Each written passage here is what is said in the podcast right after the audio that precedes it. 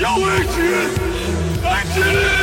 Here's Johnny. I did not hit her. It's not true. It's bullshit. I did not hit her. I want the truth! You can't handle the truth! Hej och välkomna till Cineastpodden. Podden av filmälskare för filmälskare där vi pratar om film, både gamla och nya. Huvudsaken är filmer som ja, vi gillar eller hatar eller har hatälskar. Kan vara lite annat. Jag heter Andreas Barås och med mig idag har jag Erik Westin. Välkommen! Tack ska du ha. Hur är läget?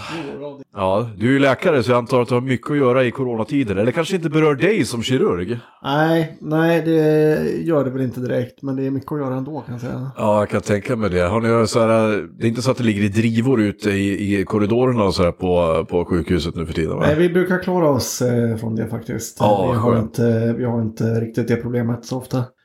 Men eh, ja, det är mycket. Ja, kan tänka mig det. Hörru du, vi ska prata film idag. Och inte vilken film som helst, utan nu ska jag bara öppna en öl här, där, sätta stämningen. Vi sitter nämligen här i, eh, där vi spelar in det här så är det början av juli.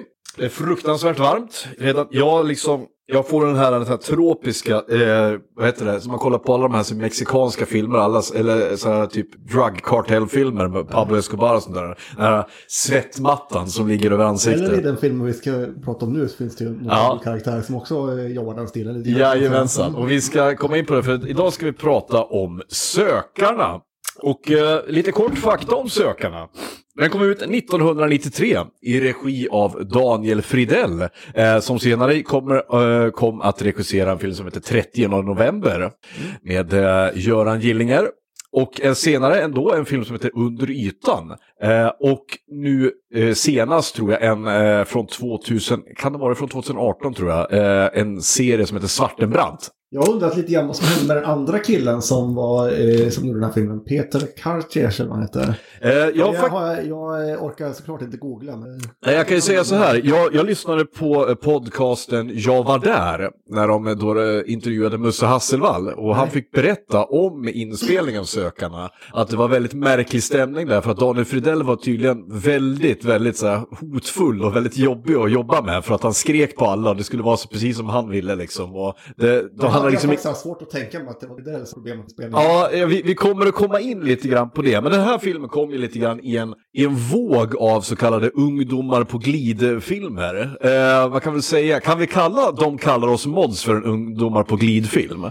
Det är så pass mycket tidigare, jag vet inte, men det var ju stilbilden på sitt sätt. Men den här kom ju liksom i efter... Stockholmsnatt efter, va? Ja, Stockholmsnatt den. Ja. Eh, Men, men den var ju, den var ju liksom, alltså dokumentär, eh, Stockholmsnatt. Det här är ju, Sökarna var ju totalt stilbildande skulle jag säga för er generation som här rullar på 90-talet. Precis, och jag tänkte komma till det att, att Sökarna är en av de filmerna som kan man säga har format min ungdom och framförallt format mitt 90-tal. I, jag har nog sällan, ja men det har varit många filmer, jag, som sagt jag nämnde 30 november, sen kom filmen Nattbuss 807, vi hade filmen Vackert väder, vet inte om den räknas in där kanske, men vi hade, vi hade massa sådana filmer som skulle då porträttera ungdomar på glid. Nattbuss 807 är ju också en fullständigt genial film. Ja, ja, visst. Och det är det. De, som sagt, de skulle ju då, eh, de skulle då eh, liksom handla om ungdomar på glid och jag tror att andemeningen någonstans var att visa så här illa kan det gå. Men det fick ju naturligtvis motsatt effekt. Stockholmsnatt fick ju det, den skulle ju vi, visa hur farligt och dumt det är med, med gatuvåld. Men det som effekten blev att folk började gå och göra roundkicks på lyktstolpar istället. Sök, just sökarna vet jag inte, det känns lite svårt att veta vilket ben de vill stå på. För att eh, å ena sidan så är det ganska uppenbart att det är någon slags sedelärande historia om hur eländet det kan bli om man kommer från eh, Ja. eh, arbetarklassförort och umgås med gangsters och sånt där. Men å andra sidan så vill de ju verkligen, verkligen, verkligen visa hur fräna de är också. Ja, jag tänkte vi kommer att komma in på det lite. Så jag fick nämligen eh, lite, vad ska man säga, Eh, ja vi ska öppna ölen där. Jag fick lite så här känsla av att de hade sett Scarface och ville jättegärna eh, vara en svensk Scarface. Men vi kan göra så här, vi, vi, vi ska ta oss igenom hela filmen. Helt enkelt. Och förresten, i rollerna ser vi då Liam Norberg, som då eh, var helt okänd eh, som, i skådespelarvärlden i alla fall, men han var väl rätt känd, precis som eh, Paolo Roberto, eh, att eh, vara duktig på att slåss. Han var väl någon taekwondo-mästare också. Ja, det var, jag tror, jag undrar om han har vunnit SM, han var i alla fall eh, elit var han. Ja, precis. Och sen har vi då Musser Hassevall som på den tiden också var, eh, var kampsportare men helt okänd också. Han skulle ju komma sen att bli en oerhört creddig, eh, tror jag. Ja, idag, jag vet inte vad han gör idag. Idag är han producent tror jag på något eh, filmbolag. Han tävlar i Shoto tror jag faktiskt. Ja. Tror jag. Ja, han har nog tävlat i de flesta, för han hade ett väldigt bra program eh, som jag, som hette Rallarsving. Som Ja, ett av det min, eh, fantastiskt program, där de, han och en kompis som hette Andreas tror jag, åkte omkring och testade olika kampsporter runt i det världen. var så han egentligen blev rätt känd. Ja. För att eh, det kollade ju alla på vill jag minnas. Ja, precis. Och sen har vi naturligtvis då Torsten Flink, eh, som här fortfarande kunde säga en mening utan att blunda med, med ögonen och eh, twitcha allt för mycket med, med, med kroppen. Eh, ja, eh, jag, jag hävdar ju att Torsten Flink, eh, när han står och, på scen och håller i ett manus och eh, bara läser, är han genial. Han är en av de absolut, han kunde ha blivit en av de absolut största vi någonsin har haft. Men eh, det var ju substanserna och, som tog honom. Kan liksom. man kalla honom för en svensk Klaus Kinski? Nej, det tycker jag inte, för han är alldeles för lite yvig. Och han, är, han, är alldeles, han, är alldeles, han lägger band på sig allt för, allt för mycket för att vara en Kla- Klaus Kinski. Något mindre galen, men, han har, men vad- jag menar, han har ju samma förmåga att trollbinda ett rum. Alltså. Han Det kan tror jag. Han kan Absolut. gå in och, och han är den enda som syns hela tiden. Precis, för jag var ju till exempel, jag var ju en av dem som, som eh, var med och eh, backade Kickstarter-kampanjen för eh, filmen om Christer Pettersson. Där eh, Torsten Flink då skulle spela Christer P. Och han, de hade till och med fått tag på samma samma tröja som eh, Krille eh, hade på, eh, på line-upen när eh, Lisbeth Palme pekade ut honom. Men vi ska ta oss igenom den här eh, filmen då. De, den öppnar då med att vi ser en kille springa genom en skog.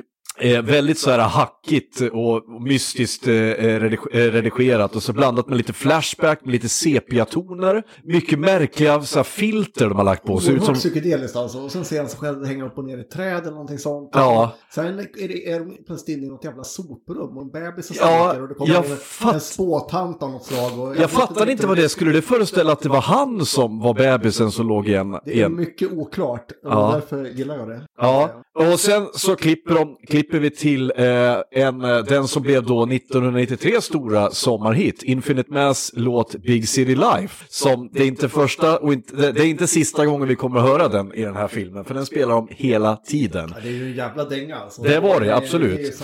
Och det var ju, man, man känner igen det också, för det var ju väldigt så här, eh, är det fel att använda ordet Robin Rassett? Det var inte Robin Rass, eh, vad heter han, var inte de producenter för Infinite Mass också, typ? Eh, det var de kanske, men inte han, eh, inte den, inte han Rob som spelar den här uh, sliskiga tv-killen? Visst, jag tänkte, visst var det han som spelade den här jävla det killen i det här låtsas, eh, det här låtsas-tv-programmet som Ja, man som säger. också är jävligt flippat alltså. Men ganska... Ja.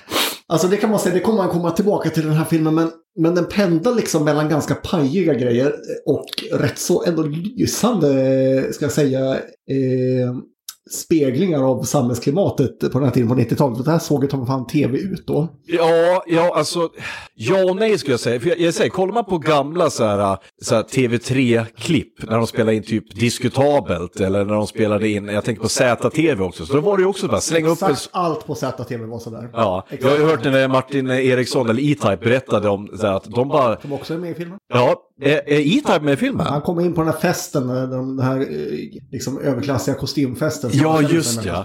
Vi kommer komma dit. kändisar, just det. Ja, också. vi kommer in här då, i alla fall då. eh, här får vi då följa uh, våra, vårat gäng som knallar då genom Stockholmsnatten. Och jag glömde nämna, Jonas Karlsson för övrigt gör ju en av sina eh, kanske tidigaste, om inte den första riktigt stora roll han gör här.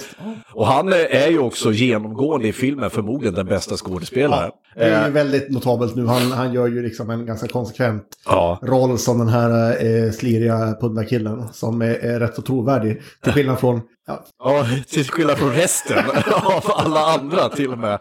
Eh, Många av dem liksom riktigt namnkunniga. Vi kommer ju senare få se Lars-Erik Berenett, vi kommer att se Örjan Ramberg och alla de spelar ju pajigt så in i helvete. Men Jonas Karlsson är ju den enda, den enda i filmen som jag på riktigt tror på.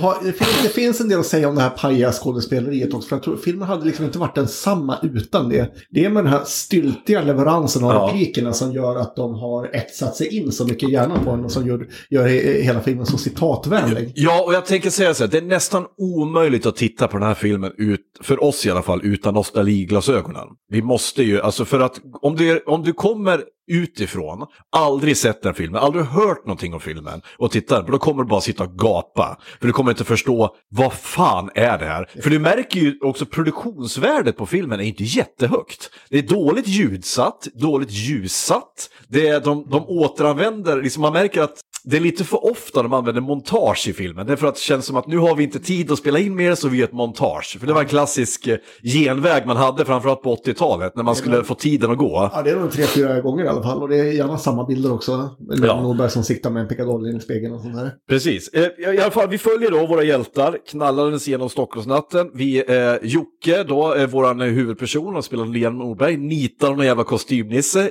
Jag vet inte egentligen varför, för att han råkade gå in i Gurra, tror jag, som spelas av Jonas Karlsson. Sen växelvis klipper de mellan ett par nynassar som sitter och heilar på en tunnelbane, eh, tunnelbanetåg. Och det är verkligen så här, de, eh, sånt som nynassar gör, de bara heilar rakt ut. De vet inte varför, de, de, de, de bara... Det här måste man ju varit med på 90-talet eh, för, för att fatta, men så här var det ju. Ja men vi, Det här precis, är för ju det här... inte smack jävla drivet, utan så här var det. Ja precis, för att det, det här 90-talet ser du ju inte idag. Du ser ju inte nynassar på samma sätt idag, men på den tiden... Men de var på riktigt farliga. Man fick Ja. liksom inte gå i närheten av dem. De höll på på det här viset Ja. man kunde få stryk när som helst. Så. Ja. ja, precis. Och eh, då eh, så är de på tunnelbanetåg. Klipp tillbaka till våra hjältar igen som är på väg ner för en, en rulltrappa. De står bakom ett par tjejer, varav en då, här, börjar, här kommer då eh, filmens första citat. Som, alltså jag kan ju säga det, det finns ju ingen film som jag tror jag kan citera så mycket från. Det, det är två tjejer som pratar och de, här hör man ju styltig leverans och allting. Eh, men de pratar om att de har, eh, det var en tjej som har hittat de värsta söta trosorna på H&M varav Jonas Karlsson kommer, eh, kommer bakom och säger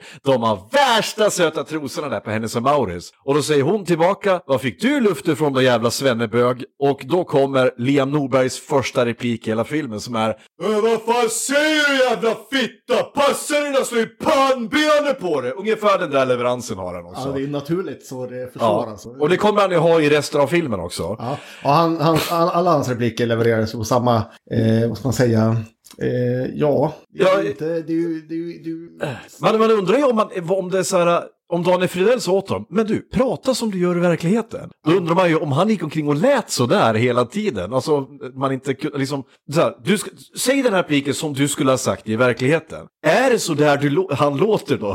För då blir jag ju orolig för... Han var väl någon form av värsting också, så han kanske gick runt och Ja. höll på sådär hela tiden. Vi kanske ska ta bakgrunden också eh, om den så kallade Örnligan. Ja, Eh, att eh, eh, då Liam Norberg blev ju uppdagad att han var med i ett serierån, bland annat det 890 miljoners kuppen som än idag ska sägas är den monetärt största eh, rånet i svensk historia, även om de inte fick använda pengarna eftersom det var typ obligationer och grejer. Det var ju känt som Sveriges största kupp. Ja, jag vet inte om den här så kallade helikopterrånet slog det i rent monetärt, men jag tror att det här håller det. Jag vet inte om Torsten Flink var inte inblandad i det, men Liam Norberg blev i alla fall dömd, för han, han högg ju en... eh, Han satt ju inne ganska. Han blev väl huggen i huvudet med en yxa också dessutom. Där. Det, var, det var ganska baksidan av en yxa ska Det jag säga. har ju flugit, eh, flugit runt lite rykten om att eh, den här filmen delvis skulle vara finansierad av kriminella aktiviteter också.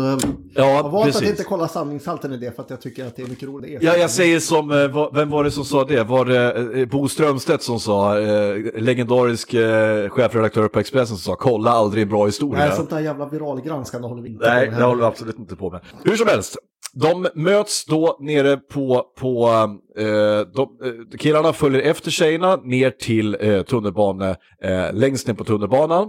Jocke märkbart förnärmad och där stöter de ihop med nazisterna och det blir ett jävla bråk där nere. Varpå en nasse och Jocke och en tjej ramlar ner på, på tunnelbanerälsen. Och hö, här är det hög nivå redan nu på actionscenerna alltså. För att, eh, jag, jag säger så här, de, tar i, de, de, de tappar ingen chans att låta eh, Liam Norberg få visa upp sina taekwondo-kunskaper. Nej, det är mycket, mycket, Mycket rundspark roundkicks. alltså. Mycket Det roundkicks. är ändå lagom mycket rundspark. Ja, men, och Jag så, känner inte någonstans att det är för mycket rundspark. Det är- nej, det känns inte, jag känner snarare att det saknades, här saknades det en Ja, det rundspark. kunde ha funnits mer runt, det. Ja, de ramlar ner på, på, på, eh, på spåret och typ tre sekunder efter det så kommer ett tåg.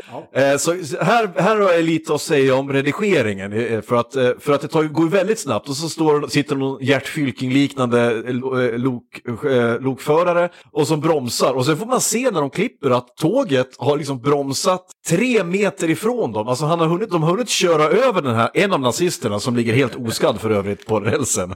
Vilket han inte skulle vara om det var en riktigt tåg. Men det framgår väl aldrig riktigt? Nej, Det de, kan vara för så de, att han är död. de pratar kommer om att säga det. senare. Undra hur det gick för den där killen. kommer exakt. de att säga Det kan senare. ju vara att han har dött. I alla fall då så lyfter eh, Jocke upp den här tjejen på, eh, på, på vet du, perrongen och hon visar sig heta Helen och kommer senare att bli hans flickvän. Ja. Eh, redan här så märker vi att det är lite konstiga eh, färger och ljussättning i alla fall. Och sen får vi följa med då, eh, efter det här så följer, så följer eh, en av andra huvudpersonerna, Ray, som för övrigt spelas av Ray Jones den fjärde, heter han eh, i verkligheten. Var han med i mer sen? Han var med i flera filmer också. Men Ja, framförallt var ni med i 30 november. Just det, han var också med i filmen. Och sen var, som också regisserades av Daniel Fridell. Och sen var han väl med i Rederiet, eh, tror jag. Ja, den tiden. Rederiet. Eh, och de går hem då till, till Jockes, eh, Jockes hem och där visar det sig att hans mamma sitter och super och, tillsammans med några, några, någon naken finne som ligger i hans säng och hans syrra har sniffat lim. Och det ser jävla märkligt ut också för lägenheten är det ser ju inte alls ut som en riktig lägenhet. Nej, Det för allting är målat i olika- mycket ut som kulisser alltså. Ja, det är det jag menar, för allting är målat i olika färger. Det är liksom det är- gula, lila väggar, gula skåp. Men det är också som att, att det är med flit att det ska se ut som kulisser. Någonstans, någonstans känner jag att, att det här är liksom meningen. Det ska inte se... Nej, och jag, jag, jag, tror- jag tror att en del, den här filmens surrealistiska ton, ganska mycket av den får jag känslan av att man ändå har, att det ändå var det som var syftet. För att man säger ju aldrig någonstans vart de befinner sig riktigt. Alltså man fattar ju att det är Stockholm. ja, Men man pratar oftast inte om, om gator och sånt. Man säger inte, Nej. inte stadens namn. Utan det är nog meningen att det ska vara lite surrealistiskt, lite out of this world, eh, hela upplevelsen. Ja, och det, där, har du, där slår du faktiskt huvudet på spiken. För det var det vad Musse Hasselvall sa, att Daniel Fridell själv hade sagt att han ville skapa en, en, en drömsk känsla i filmen. Jag tror dock att det är lite skitsnack, därför att jag tror att det handlar om att vi har inte budget för riktiga lokaler. Så då, då gör vi det här istället, så har jag någonting att skylla på. Det är bara min... Då är ju Daniel Fridell ett geni. Ja, ja, absolut. Eh, Alltså för att så sagt, vi sitter ju vi sitter ju och pratar om det nu, eh, 20, eh, över 20 år senare. Resultatet är ju oförglömligt. I alla fall då, så eh, mamman spelas av eh, en, en, en skådis som jag inte kommer på namnet på nu, men hon spelar i alla fall den oförglömliga eh, Vera, någonting- Vera Bengtsson i Rederiet. Just det. ja, en, en alkistant eh, där. Och, Men hon gör också en ganska bra roll faktiskt. Ja, hon sitter mest då där. Och det här, nu ska vi förstå då att Jocke kommer från svåra hemförhållanden och han Ray då, han har inget hem överhuvudtaget, utan han är under SOS-care. Eh, Ja, sen det är inte som att de, de är inte subtila med sina poänger här i filmen. Nej, nej, nej. Så nej, nej. De Det är slår, oss, stora- de slår oss över huvudet med en slägga. Det är Så stora vi, trumman är det. Och så sitter syrran där och, eh, och liksom sniffar lim. Någon som har tvingat dem. ja, precis. Ja, vi ska fatta. misär, misär. Vi ska fatta att det, det är hårda tider. Eh, och sen så klipper vi till skolan och det första vi ser är då en exteriörshot på skolan. Så att okej, nu förstår vi att så här, det här är en skola. Sen till ett klassrum där det står någon snubb, sminkad kille i en tåga och läser någonting. Jag tror att han är dramalärare. Ja, det tror jag också. Fast det är liksom, han läser, han läser någonting från Bibeln. Ja, jag vet, Så det ja blir en precis. religionslektion och, eh, och eh, de klagar också på honom och, och tycker att eh, eh, någon säger att de ska gå till rektorn om man inte kan hålla en normal Ja, de säger faktiskt så här. Jag skrev ner den här för att jag, jag, jag, jag, jag, jag tänkte att det här var igen, här märks det ju att de inte är jätteduktiga på att skriva dialog. Magistern, magistern, om inte vi får ha en riktig lektion så går jag till studierektorn. Och jag kan säga så här, ingen 15-åring 1993 skulle sagt magistern. Men en riktig nörd då. Ja, är ja förmodligen. Och han, eh, han säger Jocke, du är sen. Och sen så två sekunder senare så skriker de, äh, du kan inte göra som vi gjorde på skolavslutningen, strippa lite för oss. Varav läraren säger, okej Så då. det tycker jag är väldigt så. Ja. Ja, sen klipper, sen, sen klipper vi till eh, tjejen som eh, Jocke räddade som heter Helen. Hon visar sig vara syster till en av nazisterna. Och redan här så blir det, här har vi en Romeo och Julia historia. Redan, eh, de trycker in West Side Story. Eh, hans kompisar kommer att hämta honom som visar sig vara nassar och säger vilken sexig syrra du har. Här har vi återigen ett, ett eh, fantastiskt Ja, citat. det här är ju, det här är ju de, det här har man ju liksom, eh, nu går vi händelserna lite i förväg. Nej, men det här- det är precis den här ordningen det Ja, händer. Ett litet inslag om sen. Ja. Men, men han säger, Och sen- och sen sexig tycker- syrra du har. Ja. Eh, vad menar du? Ja, vad menar du? Just det. Ja, jag skojar bara. Sätt Jag menar- på honom. vad det han säger? Vad då menar? Vad de menar? Ja. Och märker på också, vill, men jävla han som spelar eh, huvudnassen där, sy, eh, syrrans brorsa, Mm. eller eh, brorsan där, han känner jag igen. Han måste ju ha, han tror jag har gjort någonting Ah, jag efteråt. det är någonting. Jag tänkte så här, är det Tobbe Trollkarl? Nej, han är alldeles för ga- han är, eh, Tobbe Trollkarl är inte så gammal.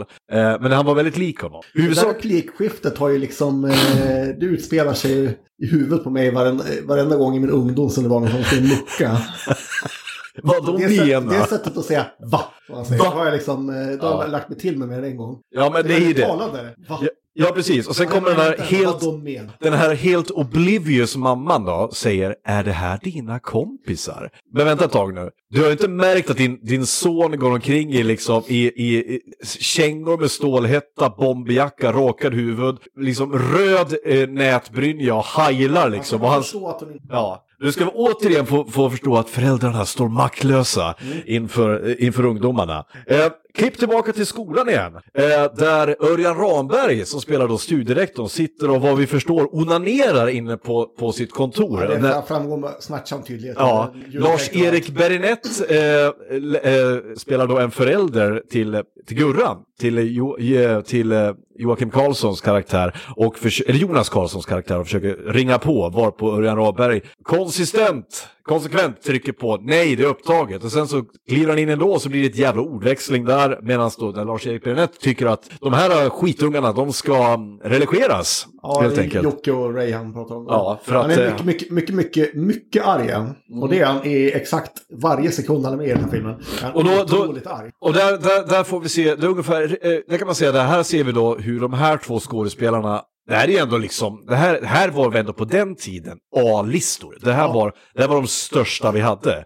Örjan Ramberg som pratar så här, ja men din egen son då, han röker ju hasch. Varpå Lars-Erik Bernett levererar ungefär som en gammal pilsnervill. Vad i helvete är det du säger karl? Va? Nej, aldrig, jag har aldrig varit med på maken. Det är för svag ledning på den här skolan. Ja, det är ju en senare eh, scen, men eh, Ja. där, där de håller på på samma sätt. Men det är ändå, jag tycker ändå att det är bra. Alltså. Det sätter tonen i filmen på ett sätt som fungerar. Det gör det absolut. Örjan Ramberg, eh, han eh, vill inte ta den skiten, så att, men han går i alla fall in till, eh, in till klassrummet, till där den här läraren står och strippar, vad jag förstår, och säger vad i helvete håller du på med kar? Och sen så, så här, Han är inte karl, han är bög. Ja, det är bög för fan. Det är en del i den här filmen som... Nej, jag känner det. det så att, eh, och sen så eh, ska han då, jo, eh, Jocke, Ray, Ä- Andy och Gurra, följ med mig. Och så, håll käften din jävla horunge, säger han där. För att då, då, då är det, då är det tydligt, nej ja, det det hoppar jag också eh, förbi i, eh, han säger håll käften jävla skitungar, säger han. För de ska de med på samtal. Nu ligger ni jävligt risigt till, säger han. Och då, sekunder efter, kommer då den berömdaste av alla repliker, nämligen när Ray ska stuva undan eh, ecstasy in i sitt skåp, så kommer en kille och säger Bor du i skåpet eller? Vad fan, ska du flytta in eller? Ja, jävla kebab. Jävla kebab. Ja. Och sen blir det utvecklingssamtal. Eh, och då, då ska de tydligen stå och prata om den, eh, det hade tydligen varit då en våldshandgemäng i tunnelbanan. Och det har vi ju sett tidigare. Varpå Örjan Åberg då kallar, eh, kallar Andy för käften din jävla horunge. Varpå Andys pappa reser sig upp och säger vad säger du till min son? Varpå Eri- Lars-Erik Bernett säger din jävla. Hem och född barn med ja, fantastiska replikväxlingar. Ja, det är klockrent är det faktiskt, alltihopa. Ja, sen klipper vi till, eh, då är vi på Nasse, då, då, då, nazisternas högkvarter som jag inte riktigt vet vart det ligger, men det ser ut att ligga någon slags grekisk tempelkuliss någonstans mitt Ja, vilket det väl förmodligen gör. Ja, förmodligen. Där då nazistledaren spelas av, och det här är bara folk som är i våran ålder som vet. Eh, han, han kallades för PG, den här killen. Och han var med i, han spelade polis i typ tusen filmer. PG Hylén. PG Hylén, ja. Han spelar nazistledare. Reklamfilm. Ja, framförallt. Ja, för var det Oddset? Eh, Stryktipset tror jag. Kan Det vara. Oddset. Eh, Oddset eller Stryktipset, jag minns inte riktigt. Ursäkta, jag måste snyta mig här bara. Åh gud, jag sitter och... Jag täppte in näsborren här. Inte om det menar att jag ska prata nu. Andreas gick och snöt sig. pollenallergi. Ja. Det finns en öl till om du vill ha. Vi får se. Ja. Jag kan chilla så länge. Jajamensan. Eh, PG Hylén spelar nazistledare här. Då får vi se vilken ruthless ledare han är. Nämligen att han ska, han ska hälsa på någon nykomling. Och han sträcker fram sin högerhand. Och där visar det sig att han har typ rakblad eller något sånt, någon slags... Typ häftstift fasttejpade tror jag. Ja. Han river pannan på honom. Ja. Alltid vänster hand. Fattar du det grabben? Och det har jag inte förstått varför. Menar de att man hälsar med vänster och heilar med höger? Är det det som är... Jag vet inte om de... Jag fattar inte heller riktigt det här. Nej, jag det framgår liksom inte. Det är också så att han är fullständigt sjuk i hela huvudet. Så det Ja. kan ju bara vara... Det kommer att bli värre med den här karaktären sen. Men eh, här ska vi alltså, okej, sätta någonstans. Det här är en ruthless fucker och han är inte riktigt stabil. Eh, och de är på väg till någon fest nu, alla de här killarna. Och, då, eh, och Andy då, av, spelad av Musse Hasselvalla, kommer lite på efterkälken. Och han blir då jagad av nazisterna. Eh, Hej gubben! Hej! Det är katter på G här. Ja, det är katter. Hej gubben, kommer. Han har varit ute i regnet nu. Ja, Andy blir jagad av nazister. Och det slutar då med att eh, han blir uppjagad på någon slags, i någon slags torn och blir utslängd och dör. Ja, de mördar honom helt enkelt. Eller han eh, Mike gör det, PG. Ja, eh, och det, det känns som att det är en massa subplots som hänger sam, hä- hä- händer Ja, samtidigt här. de hänger inte riktigt med på varför de offrar honom faktiskt. Nej, och för- och det- och det- jag har sett den här filmen alltså förmodligen närmare 50-talet gånger. Ja. Eh, Och, och, och jag fattar fortfarande inte. Nej, och, och, det, det får vi också se, det får också bekräftelse på i scenen efter. För det enda som sker då är att de hör, eh, de sitter i skolan och, har, och lyssnar på nyheterna att eh, den här eh, Andy, Andreas då, blev mördad. Men sen eh, jaha, sen är det inget mer med det. De går vidare. Ja. De, sörjer inte, det är liksom som ingenting har hänt. Så, Nej, livet är hårt vet du. Ja, så poängen med det här vet du fan varför. Ja, vi har ju naturligtvis missat också att innan detta så är det då en sparringscen där, återigen, där, eh, där vi, där, den sista scenen med En Andy innan han dör. rundsparkstäta scenerna i eh, historien skulle jag misstänka. Ja, Det är åter, mer rundsparkar per sekund där än, än ja, och det är det. Eh, ja, precis. Det, Av någon anledning så står en boxningsring mitt ute på en gräsmatta någonstans. Och där står Andy och, och Jocke och eh, Taekwondo slåss, men det är mest Jocke som gör roundkicks. Ray och... eh, ja, Andy är med på slutet också. Ja, och var på Gurra ligger i gräset och säger, kommer ni ihåg när jag slogs med Tyson? Va? Och sen, ja, bra, bra där Andy, jag gillar dina pareringar med näsbenen. Det var också en sån här fantastisk replik. Men det, men det här också, återigen, det här var ju bara till för, för att, eh, ett, Att visa visa, visa vad coolt det är med roundkicks och få visa, och för att förmodligen Liam Norberg hade sagt, hej du, kan vi inte få ta en till scen där jag får visa mina roundkicks? Ja, ja jag, jag köper det 100%. 100%. Den här scenen har bäring för filmen tycker jag. Ja, hur som helst, eh, efter att, eh, efter att det Andy... lite hångel i en soffa också. Det, ja visst ja, det blir ju det. Han, här får han ju ihop det med hon Helen då i alla men, fall. inte så, men det är inte så noga. Det, det är inte så noga.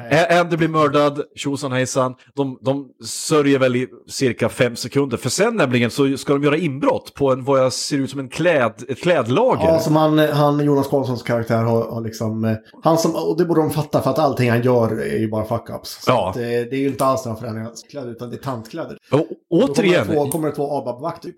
Ja precis, som de, som de äh, vet det, eh, kedjar fast. Och så kommer det några tanter som istället för att hjälpa, hjälpa de här stackars vakterna så står de bara och hånar dem De istället. är För, helt nakna också. Ja. Klassiskt full frontal. Ja, det är härligt. Är- Full frontal ser man inte jätteofta nu för tiden. Det var, det tog, det var 80-90-talet som var full frontals Ännu stora. mer 70-tal tror jag, men, men eh, på den här tiden gick det fortfarande att göra så. Absolut. Eh, och det, återigen, det, det här, eh, det som du sa nu som Jonas Karlssons karaktär eh, om Gurra, det visar ju också så att han är ju faktiskt en av de bästa karaktärerna i den här filmen. Han är förmodligen den bästa karaktären. Det är en genomförd riktig karaktär, det är det. Ja. När man tänker på det så har du rätt i det. det är, Ja, för det, han har ju en ark. Ja, det har ja. inte de andra. Utan de andra, det känns som att vi kommer att komma till det sen, att det känns som att det bara händer saker. Ja. Den ena saken eh, händer efter den andra. Men det liksom känns inte som att det finns någon så här, det känns som att de vill säga någonting, men mest vill de vara coola, vill vara häftiga. Men det finns ju ingen riktig karaktärsutveckling. Alltså själva filmen har väl någon slags budskap ändå, men, eh, men det är inte...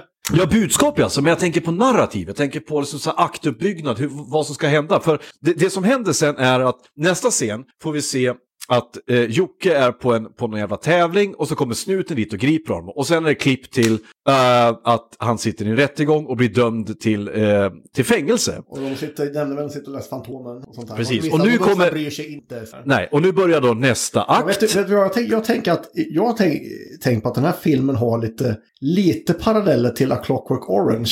Så här, jag undrar om inte, inte någon Frida tittar lite på den och, tänkt lite på den när han har gjort den här. För att det är, det är liksom ungdomsgäng som drar runt, vuxna Ja. är fullständigt frånkopplade och det är hela tiden, tiden en, en väldigt surrealistisk och weird backdrop på det hela. Jag, är in, känner att det inte riktigt verkligheten utspelas. jag tycker att du har jättebra poänger där och jag, framförallt så tror jag att Daniel Fridell, han har inspirerats av två filmer och det är som du säger Clockwork Orange och, så är det Scarface. Ja, För att eh, vi kommer att komma till det. För att nu hamnar den i finkan. Och det här, här tycker jag att filmens budget syns som allra mest. För fängelset då, det ska alltså föreställa, de kommer in i vad som ser ut som en ungdomsgård där de har plockat bort, eller en kontorslokal där de har plockat bort alla möbler, heltäckningsmatta. Man ser till och med persiennerna i det här fängelset. De kommer in i ett rum där det sitter då, jag vill säga så här, jag spelar teater i frigrupp. Om jag skulle ha gjort en fängelsescen på en teaterscen, då hade jag gjort den så här. Men inte i en långfilm. Men det funkar Andreas, det funkar för att det är så jävla weird allting. Och, här är, och nu kommer ju Paolo Roberto också. Ska Jajamensan, för, för det här, här sitter då alla då inmates här, de sitter i gråa långkalsonger, vita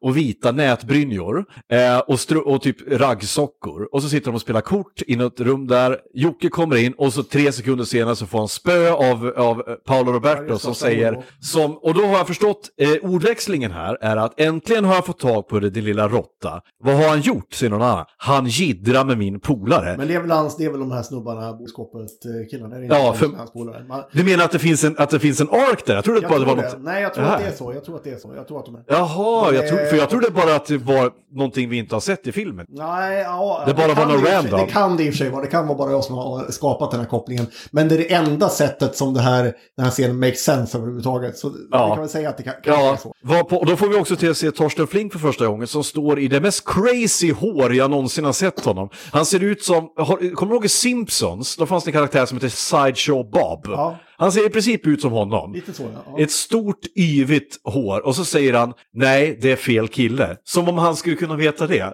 Men han bara säger det. Det vet han ju inte. Nej. Han tänker bara att här har vi en ny rekryt till mina eh, till Ja. krim- kriminella liv. Jag behöver, behöver lite muskler. Så tänker han ju. Jajamensan. Och så har han någon slags hållhake på Paolo Robertos karaktär Så att han inte, han säljer knark till honom. eller. Ja. Inte- Och sen så-. Ja, precis. Och sen så joinar eh, Jocke ett eh, parti eh, poker som det ser ut som. Och då får han se det här, första gången får se det vi nämnde tidigare då, tv-programmet. I tv-programmet i filmen som heter då Pappa Razzi. Där vi då har, tror jag, han Rasmus, Raz från Robin Raz. Rob tror jag till och med. Är det han till och med? Ja. Okej. Kallar han sig inte DJ Rob till och med? Jag vet inte. Jo, jag Men vet du vilken jag känsla jag fick av honom? Jag fick känslan av eh, Henrik Schyfferts karaktär i den gamla Bert-serien. Det här blonderat hår och, och så någon jävla flytväst på sig. Ja, det minns jag inte. Eh, och så ett sådär s- uppenbart stageat Z-TV-program där, där de bara tar in två random tjejer i en jävla Men vadå som soffa. sa, så allt, allt som gick på ZTV var ju exakt så här. Ja. Ing- Nej men sen så här, castingen till sådana program måste ju ha varit att de skickar ut någon gubbe och så bara pekar de, hej vill du vara med i tv? Kom Exakt. så. Eh, och i alla fall då, så, så flyger han på eh, Helena då som är Jockes, eh, Helen då som är Jockes flickvän. Hon, verkar, hon är med i det här programmet av någon anledning och han flyger på och börjar hångla med henne och det blir Jocke vansinnig när han, när han då får se. Eh, och sen så kommer Helen och hälsar på honom i besöksrummet och då säger han, jag såg en hora på tv igår. Ja. Ja, och då blir han då helt orimligt arg för att även om han inte är jättesmart den här då Jocke så borde han ju se att det var den här killen som flög på henne. Om det är någon han ska han, vara är arg han är ju också, det är ju ändå genomgående karaktärsdrag för honom att han är fruktansvärt svartsjuk, oerhört aggressiv, våldsam och Ja. eh, ganska osympatisk som Ja. pojkvän. Men in, innan dess så har vi ju har vi fått... Eh, Torsten Flink har ju visat sitt... Eh, Karaktär Tony har ju presenterat sig kan man säga genom Ja. att äckla sig något så jävligt. ja, han slickar på hennes... Stoppa eh, in hela handen i käften. Ja. Ja, medan Jocke vänder sig om. Mm. Och där får man ju bara fatta att den här killen är inte jättestabil. För sen kommer vi klippa till... Framförallt eh, fattar man att han har ju liksom en agenda han är inte att lita på. Liksom. Det, Nej, jag- presenterar det ganska bra faktiskt. Där. Ja, jag tycker det. Och liksom, hade man gjort mer med den här karaktären, vi kommer komma på det. Alltså för att, återigen, det känns som det bara händer saker. Jag skulle vilja se en film med bara Tony. Ja. Med den karaktären. Se,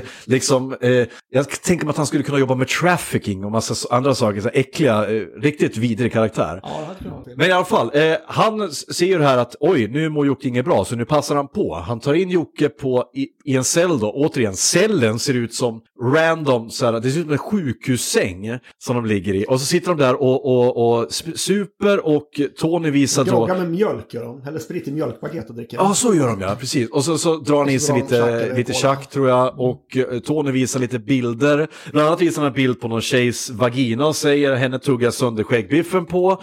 Den här knullar i skiten som sprack och massa äckel. Och sen visar han en, en bild som uppenbarligen är tagen för den här filmen. Han står med, med en Uzi. Och då säger Jocke, vilken jävla Uzi! Jag köpte av zigenarna som brukar skjuta fiskmåsar på den. Snacka om fjäderregn. Och, Så eh, skulle man ha, säger ja, om du stannar med mig ja, Om du med mig så skulle du få tusen så. Ja, och här visar ju då, här visar ju då Tony att eh, liksom, eh, han lockar honom här, han förstår att här har vi en svag I kille det kriminella livet. som jag kan använda. Och här, här återigen, Daniel Fridell slår oss över huvudet med släggan här nu. Liksom, så här enkelt är det att dras in i Men det. vet du, vad, vet du vad? I Ja. Typ filmer som, eh, ska vi ta en annan film som exempel. Filmer som Requiem for a Dream har du sett antar jag? Åh, men det var åratal sedan. Ja, det var länge sedan jag såg den Mm. också. Men, men, men gisten i den filmen det är ju också så här, man tar en stor jävla grovkalibrig hammare. Ja. Och så tar man budskapet i en jättespik och så bara bankar Ja. man in det. Men den filmen är alldeles för snygg och välproddad för att man ska kunna köpa den grejen. Då blir det bara pajigt. Ja. Men i den här,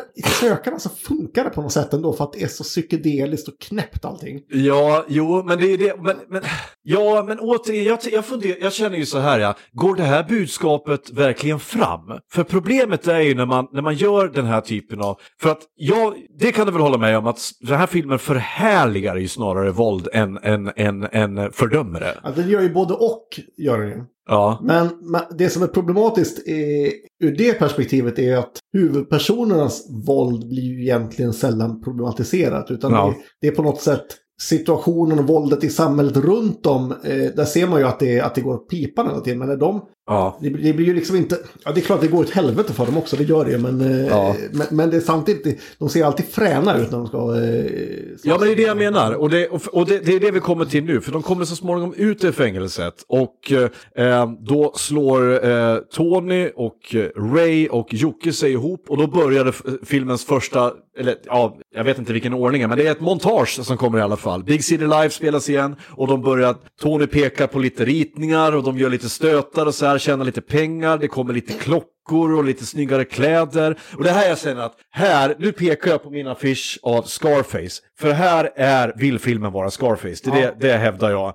med bestämdhet. För man får se bilder när de, när de drar cola, när de klär sig fina, de räknar pengar, klassiska sådana här montagegrejer. Precis, precis, där har man tagit därifrån. Och från andra liknande filmer, men Scarface är, väl, är väl liksom den rullen på något sätt. Och nu är de framme då vid den här, det som du nämnde tidigare, märklig maskeradfest med jättekonstig musik som går så typ så här... du, du, du, do do do do Det ser du. ändå ut som en fest man vill vara på tycker jag. Absolut, jag kände så att det här, är ju, det här skulle vara till som Bindefält kunde ha Var inte dragit jag ihop. bjuden, tänker jag. Ja, precis. Eh, och här då så får eh, visa sig att den här programledaren, han är ju kolatorsk, han köper, han köper cola av Skräll. Tony. Och Jocke får syn på honom och han säger en replik. Vad fan tror du? Och drar en flaska i huvudet på honom. För att han ser att han pratar med Helene. Och då. Helene genast eh, följer med honom och ligger med honom. Ja, ja, naturligtvis. här, och då, då får vi se, då, här, det är en, det är ganska vällustig sexscen med, med rumpor och grejer Det är här. väldigt... Eh, Ja. Sen blir det ett montage igen.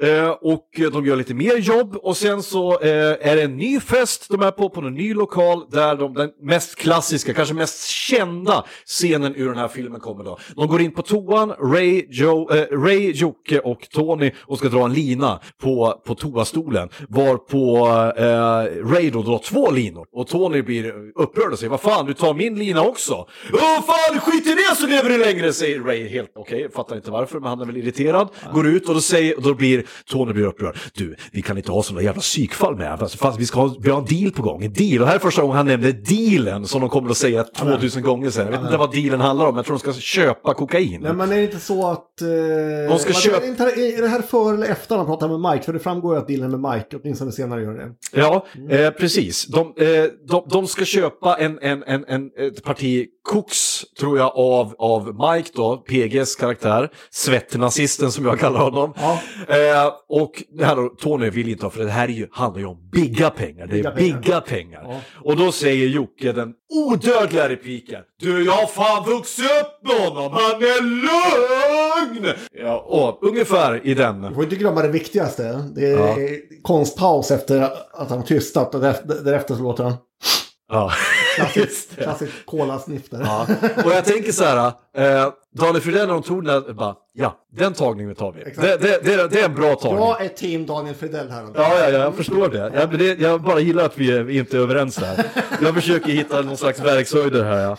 Ja. Ja. Nu är det montage igen. Och nu får vi se Jocke stå framför spegeln. Och nu ser vi att, eh, nu ser vi att Daniel Fridell även har sett Taxi Driver. För här står, här står Jocke och poserar med massa olika vapen, stoppar ner i byxlinningen, testar att dra den lite snabbt. Framför allt får jag känslan av att Liam Nordberg har sett Taxi Driver. Ja, faktiskt. definitivt sett Taxi Driver. Och jag kan till och med vidhålla att Liam Norberg föreslog scenen för Säkert, säkert, Daniel. Fridell. Vi Ja, måste det ha med någonting på Taxi Det Driver. kan man tänka sig. Ja, ehm, nu, ska, nu kommer då Torsten Flink, kliver in hos eh, Mike här då, eller så kallade svettnazisten. Som, nu är det otroligt bisarr scen igen, för Mike sitter där i det någon slags det gimpdräkt. Det är någon slags BDSM-klubb på någon form av slakthus. Det Ja, som. för han sitter med en flodkatt tror jag på... Ja, det är någon form av djur i alla fall Ja. som man har över axeln och liksom leker med lite Ja. och gosar med på något. Och så sitter han och så här småfnissar hela tiden. Man undrar om han är så här hög på tjack eller vad fan det är. Och så är supersvettig. Och så säger han att ja, ska vi göra? Vi kan göra affärer ihop. Ja, och så vill han att de ska gå och slå ner någon snubbe och eh, någon pakistanier som har skyldigt han pengar. Och det gör gänget. Och där träffar de även Gurra. För det visar sig att Gurra har, han, eh, har, eh, under tiden de satt i eh, finkan så har Gurra dekat ner sig ännu mer. Fullblodshårsare.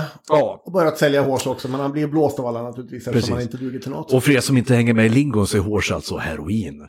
Jajamensan. Och då visar det sig att eh, Gurra blir en del av gänget också och de börjar, de börjar då att eh, involvera honom. Och nu börjar det gå lite ut för för gänget. Det börjar inte liksom falla på plats lika mycket för Gurra är en loose cannon. Eh, ordentligt här, för det blir ett montage igen nämligen. För, och vi måste inte glömma att när de då hotar den här killen och ska dra ut pengar så kör Torsten Flink upp en sill i näsan på honom. Ja, just det. Som, eh, Nej men det är, det är den här porrgubben. Det är nästa snubbe som de ska... Eh, Ja visst ja, Gurra är, eh, han är skyldig Gurra eh, 40 lax. Så står de spelar en porrfilm. Han säger det är fan så, så runkar upp en jävla jätteballe där. Riktigt praktstånd där och så slickar Ja. upp den i brygga. Och Ja visst ja, den kommer in till en porrfilmsinspelning, står en kille med ett cyklop på och en någon snorkel Ja. och sätter på någon tjej. Och sen så, den här den här killen, han han, som är porrsnubben, hans röst känner jag igen. Så Ja, han, han måste ju ha gjort mycket radioreklamer. Säkert, jag eller på, jag, jag, känner inte igen honom riktigt, men lite kanske. För jag kan tänka mig att han- det lustiga med honom att han står där med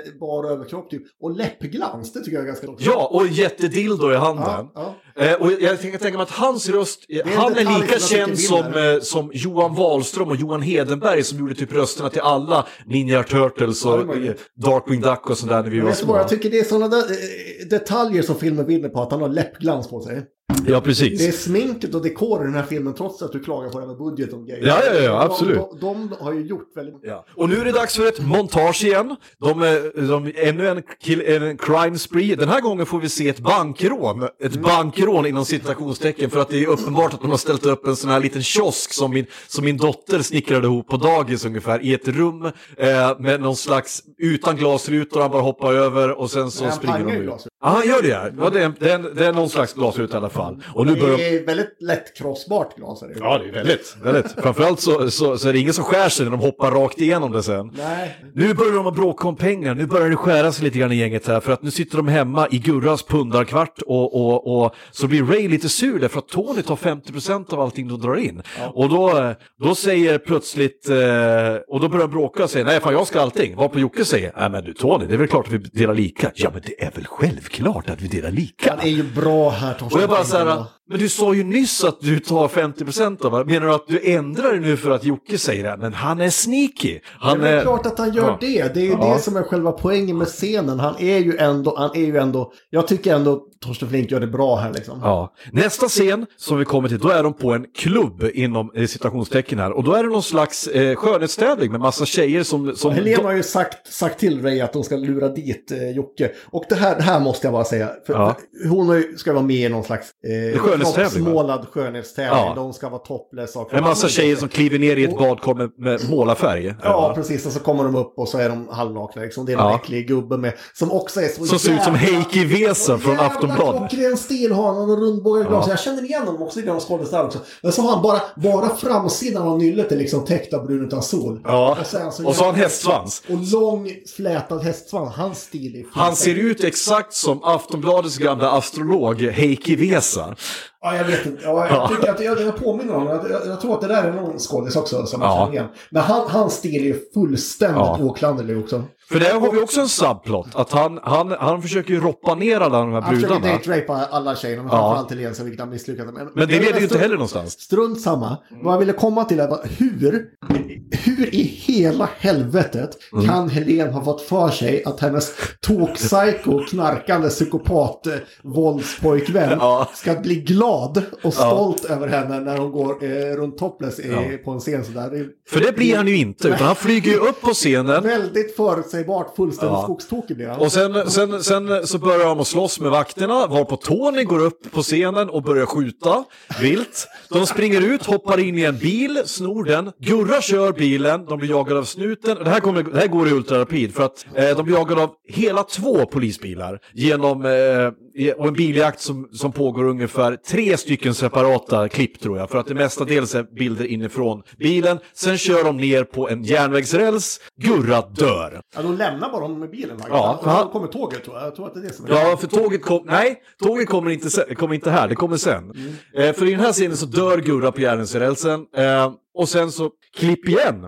Då är vi, då är montage igen, nämligen. Därför att nu är det dags för dem att göra dealen. Då får man den stora dealen. För det ska de göra samma kväll tydligen. Ja. Så Gurra har dött, men nu ska de iväg och göra dealen. Eh, återigen, de sörjer inte, för det har de inte tid med. För det är ett hårt liv. Det lite, lite grann. Att man växte upp med honom ju. Ja, jag har växt upp med det. Vi har fan inte tid, vi ska göra dealen. Ja, och det håller ju någon, ja, är det typ Jocke som håller med om det tror jag? Ja. Och det är någon, han struntar i alltihop, han vill bara ha tag på Helene för att han får inte tag på henne. Han Jajamän. misstänker att de har gått åt helvete. Och han vill åka tillbaka till den här klubben, vilket de andra eh, klokt nog inte vill då, för det är Nej. naturligtvis polisen, tänker de. Men i alla fall då, Helen har ju flytt ifrån, hon har ju hållit på att bli date-rapad så hon flydde ju då ifrån den här snubben. Nu kommer min katt här, hej gubben. Och nu är det dags för då finalen på filmen. Eh, Helens bror dyker upp eh, från ingenstans hemma hos, nej förlåt, jag går, jag går händelserna i förväg. Detta händer. Eh, nu ska de göra dealen. De åker ut till platsen. Och där dyker då Mike upp. Tony går fram och pratar med och då visar det sig att i bakluckan på bilen så ligger, eh, det ligger då Helen. Mike har kidnappat henne och säger att nu vill vi ha 200 000 per hekto. Och det säger Tony, nej absolut inte. Men eh, vi kanske kan göra en deal bara du och jag. Säger han. Och sen går han tillbaka till, eh, till killarna och säger att äh, vi får vänta lite grann. Och nu börjar man fatta att Tony har verkligen sin egen agenda. Han ska göra en deal själv här. Senare dyker då Helens eh, brorsa upp hos Jocke, nazisten. Och han, eh, de börjar slåss lite grann i början, men sen så säger han att eh, Mike har lurat oss. Han har tagit min syster. Han ska sälja henne. Ja, han bryr sig också om henne. Ja. då. Och då helt plötsligt blir de forna fienderna får join forces för att ta ner den onda. Och nu är det dags. De dyker upp på järnvägsstationen där de visar sig att Tony alldeles ensam håller, ska hålla dealen. Varpå Jocke säger typ "Åh!" Och då tappar ju Tony det fullständigt och säger Vem är det som har power nu då? Och, han, han, eh, och, och pistolhotar Helen. Och då säger han Allt är mitt! Allt är mitt! Fattar ni? Och här blir han, här, blir han, skulle jag säga, återigen, den här filmen är för liten för Tony. Ja, det är den. Den är alldeles för liten. Världen är för liten för Tony. Ja, ja, precis. The world is not enough. Återigen, jag pekar på Scarface här. Det finns att mycket likheter, jag håller med. här vill han vara Tony Montana. Kan, vi, kan, kan ord, eh, to, namnet Tony vara ifrån Tony Montana? det kan det faktiskt vara, jag har tänkt på men det är, det är inte alls otroligt. Nej, och då drar han, eh, Torsten drar kniv som låter som ett svärd när han drar det tänkte jag. För ljudeffekterna är så här. Det är ju riktiga 80-tals ljudeffekter på alla slagsmål också. Ja, och han har en knivfight tillsammans med Ray. Ray blir då, eh, blir då stabbad i axeln av någon anledning. Men, han, men eh, Ray lyckas få ner honom då på, på järnvägsrälsen och då kommer ett tåg från ingenstans och kör över Torsten Flink, eh, Tony. Kommer från ingenstans. Men vad händer då? Eh, jo, eh, nu ska vi se. Det, om jag tar det här i rätt ordning nu. För att sen så eh, är det någon som tar tag, det är någon av de här, nej det är Mike, Nasse Mike tar tag i Helen och försöker ta henne. Medan Jocke lyfter pistolen och ska skjuta honom. Men han råkar träffa Helen istället. Helen dör. Och Jocke inser vad han har gjort och sen hör vi, börjar vi höra hundar skälla igen och då är vi tillbaka i öppningsscenen. I öppningsscenen. Och, och Ja. det, det ska man ju lägga till, alltså den öppningsscenen är ju ganska lång också. Ja, den är det. Det, det är Flera minuter mycket, återigen, det är mycket. Ingenting, men här, här, får, här får vi se vad som händer. fall. Ja, han springer genom skogen och så slutar det med att han hoppar ut för ett stup. Yep. Och sen filmen tonar ut och där är den slut. Och detta är Sökarna. Och jag kan säga det att den, nu, nu var det ett par år sedan jag såg den här, men jag såg den här då i, eh, inför den här eh, recensionen och eh, jag hade glömt bort hur bisarr den var. Återigen, det vi pratar om är det här, det här bisarra sättet som allting ser ut som teaterdekor. Eh, musiken, eh, eh, alla citaten, det styltiga skådespelet. Men å andra sidan så fick vi se Jonas Karlssons födelse som, tror jag, en av de bästa skådespelarna vi någonsin har haft i svensk film. Inte, tar man i för mycket om man säger att det är ett mästerverk? Nej, jag ska, Ja, det skulle jag jag skulle säga att det man ändå är gör. rimligt, eh, rimligt att kalla den för. Jag ska säga så här. Eh, underhållningsfaktor på den här filmen. Eh, återigen, eh, eh, 200%. Jag hade inte tråkigt en sekund. Jag vill ju, och det är ju för att, eh, återigen, den väcker mycket minnen i mig. Det här gick, de här citaten gick vi omkring och sa när jag gick på högstadiet. Ja, det i skåpet eller... Hela tiden. Hela tiden, allt det där. kebab. Slå in pannbenet på det, den grejen, det har man ju sagt ett par gånger liksom. Och allt det här, återigen, det var stilbildande, inte bara för hur man gjorde film. För det, som sagt, efter den här kom ju 30 november. Sen kom Nattbuss 807 Mm. och alla de här filmerna. Bleka efterapningar, förutom möjligen Nattbuss 807 som upphåll, eh, uppnår nästan samma underhållningsvärde i alla fall kan man säga. Även om man inte tycker att den filmen är lika bra. Jag tycker, jag tycker att Sökarna på riktigt är en väldigt, väldigt bra film. Tycker jag. Den Ja. vill väldigt mycket. Den Mm. kanske inte når ända fram. Men den är unik på ett sätt. Det är väldigt få filmer av den här typen som, som är gjorda på det här sättet. Med den här jättemärkliga, eh, flummiga, eh, out of this world presentationen på något sätt. Och jag, jag är beredd att hålla med, jag, men jag tycker ju också, det här, i den här podden och överhuvudtaget också, jag ska säga det, det är okej att tycka om filmer. Det är okej att tycka om filmer är, som kritiker avskyr, det är okej att tycka om filmer som din kompis inte tycker om. En film som du tycker om, den är, det får du tycka om helt enkelt. Och jag tycker om den här filmen. Jag skulle, inte, jag skulle däremot inte kalla den för ett, ett vare sig ett hantverksmässigt mästerverk eller ens ett mästerverk eh, inom svensk film. Men det är en film som jag alltid kommer att komma ihåg och en film som jag aldrig kommer att tröttna på att se tror jag. Alltså jag tycker att den har, den har lite gemensamt, men nu kanske jag ska overstretcha lite grann. Ja, men det vill jag höra. Jag, jag, gillar, jag gillar ju filmer av en, en japansk regissör som heter Shinya Tsukamoto som har gjort eh, ganska så eh, märkliga filmer kan man säga. Ja. Han, är, han är riktig auteur och all, gör allting väldigt lågbudget också. Men han har också det här sättet liksom att, att filmerna känns som att de utspelar sig till hälften i verkligheten och till hälften i någon slags eh, mystisk, eh, nästan eh, overklig värld. Är det stretchare att säga att den här filmen skulle kunna ha varit regisserad av David Lynch? Ja, David Lynch hade inte varit lika våldsam kanske, men jag tycker att återigen, jag tror Daniel Fredell har tittat på massa filmskapare och så har han känt att det där är coolt, det tar jag med, Jag och det tar jag med, och det tar jag med. Tsukamoto har gjort en film som heter Tokyo Fist. Jag tycker den här är inte helt olik den faktiskt. Många Nej, okej. Kan Eh, jag då- kan rekommendera, jag kan rekommendera alla hans filmer. Absolut. Och Sökarna till er som inte har sett den, eh, den är ganska svår att få tag på. Jag fick eh, leta mig in i de djupaste ful-streaming-hörnen på internet för att få tag på den. det finns säkert att hitta Liksom. Hyra på SF Anytime. Eh, Inte får du göra reklam för dem, men kostar det 30 spänn? Jag har ja, den på VHS hemma, men den, den, den orkar jag inte. nej, precis. Och jag tror att det går säkert att hitta någonstans. Men var det några år sedan så gjordes det nämligen en ny premiär på den här filmen. Och då var. Liam, Liam Norberg med i Nyhetsmorgon igen och, pra, och pratade om det. Vi ska också säga att det har inte bara kommit en utan två uppföljare till den här filmen. Och båda är fruktansvärda. Alltså, Sökarna 2, den, den kom ju ut efter att Liam Norberg hade blivit nyfrälst i fängelset. Och den är fruktansvärd, alltså på riktigt. För Ja, den den, den är inte jättebra. Torsten Flink är med igen och spelar sin eh, bror. sin bror såklart. Den Men, onda eh, tvillingen. Sen, sen kommer ju också Blodsbröder. Ja, Som, jag förstår inte riktigt relationen mellan de här filmerna, för det, för det är exakt samma film som Sökarna 2. det är det. Plotten är exakt likadan. Okej. Torsten Flink är med där också. Det enda skillnaden vad jag kan komma ihåg, för jag har naturligtvis sett båda de filmerna, Ja. Är att Ken Ring bajsar i en motorcykelhjälm med blodsbröder. Ja, det, bara det är ju aldrig nog att se den. Ja, det är det faktiskt. Ja. Sökarna, eh, som sagt, eh, är svår att få tag på, men jag kan rekommendera den till alla. Den får av mig åtta av eh, tio eh, bor i skåpet, helt enkelt. Ja, okej, okej. Ja. Av mig, av mig får en 11 av 10 jävla kebab. Men nu har det blivit dags för veckans topp 5. Lista. Topp 5. Topp 5. Veckans topp 5. Och veckans topp 5, den står du för Erik. Ja, jag var ju eh, lite tvungen kände jag ändå ha något sökarna-relaterat Ja, okej. eh, topp 5 här. Ja. Och eh, jag funderade först på att ha topp 5 psykedeliska situationer i filmen, men det är lite oradiomässigt. Så att jag, Det, jag vet du val- vad? val- Det, det är helt okej, du får ha precis vilken du vill jag här. va- valde istället att ha det något mer förutsägbara. Topp 5 Mm. citat som Andreas och jag gick eh, runt våra kompisar och eh, gapade om när vi var tonåringar. Ja, låt höra. Mm. Okej, nummer fem då. Okej, det här är inte så långt. Annars skulle det komma högre upp på listan. Ja. Vad de menar. Vad de menar, som vi nämnde tidigare, ja. Ja. Eh, ska det föregås av ett va? Ja, gärna.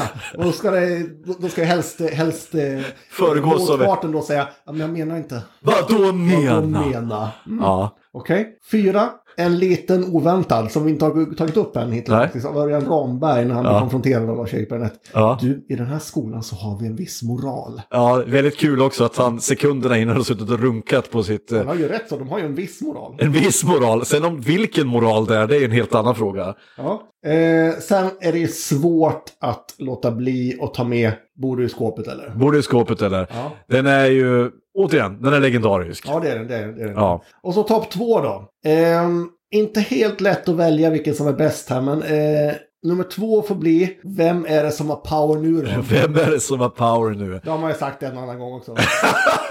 det har inte jag kan säga. Men det där känns så jävla stretchig att säga i en situation. När säger man det? Vem är det som har... Det säger man kanske man gibbar någon i Battlefield eller någonting. Vem är det som har power nu då? Jag har sagt det jättemånga gånger tror jag. Alla den situationen när man känner att man har power. Ja, ja. Och nummer ett, fullständigt ohotad naturligtvis. Alltid vänsterhand. Fattar du det grabben?